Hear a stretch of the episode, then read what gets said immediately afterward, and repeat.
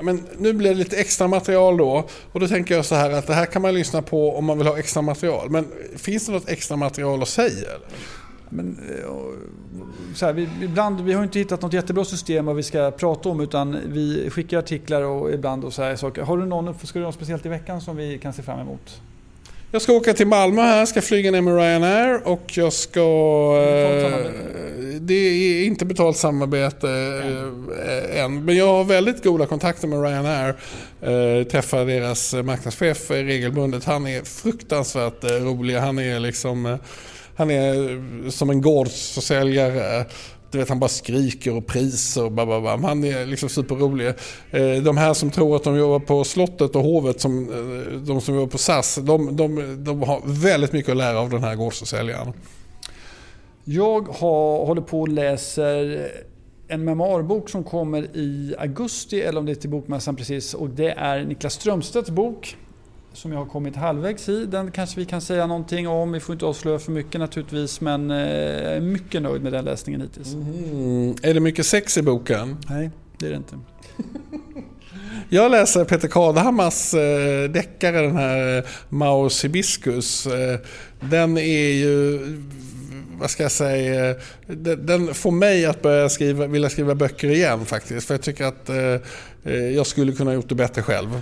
Men jag tillhör verkligen, jag har försökt uppmuntra dig mycket som helst att du ska ta kontakt med eh, en förläggare. Jag har kommit med idéer, föreslagit möten och så vidare. Så jag tycker jag vill verkligen att du, jag kanske har det som ett sommarprojekt. Att, jag vet att du tycker jag är beskäftig nu som säger det men eh, nu kan du väl testa det lite grann. Mm. Min bok skickas till tryck på fredag. Vill du läsa den? Oh, ja men vad roligt. Ser mycket fram emot. Det ska bli jättekul. Uh, ja, men jag har redan sett omslaget och det är jättefint omslag. Jättefint, alltså verkligen fint tycker jag. Jag blev... Uh, ja, men jag, jag ser fram alltså, Jag tycker... Det, men jag högaktar dig att du orkar hålla på och skriva böcker. Jag tycker det är fruktansvärt tråkig sysselsättning. Eh, om man jämför till exempel med att podda eller spela in tv. Jag träffade Bergmans eh, sista älskarinna häromdagen förresten. Men vad det? Marie Nyre Röd, hon ska sluta på SVT nu.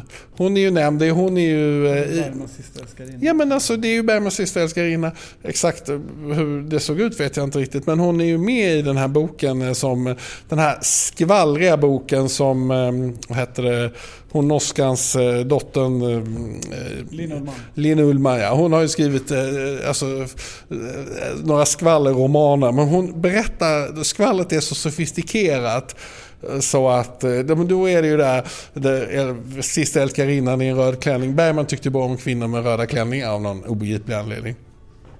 Så eh, då, hon är med där i den helt enkelt. Och hur träffades ni? Ja, vi träffades då på Charlotte Gylen, pressvisningen av Charlotte Gyllenhammars eh, eh, den här då, gumman som står där ute på Djurgården. Så att, då skvallrade jag lite med, eller nej hon skvallrade, vi, vi skvallrade inte.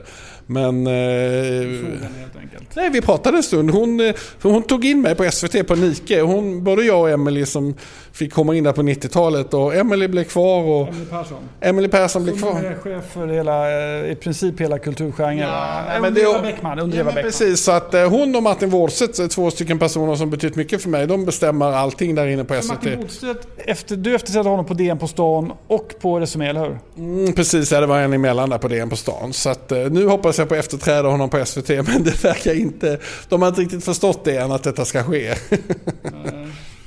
Apropå betala samarbeten.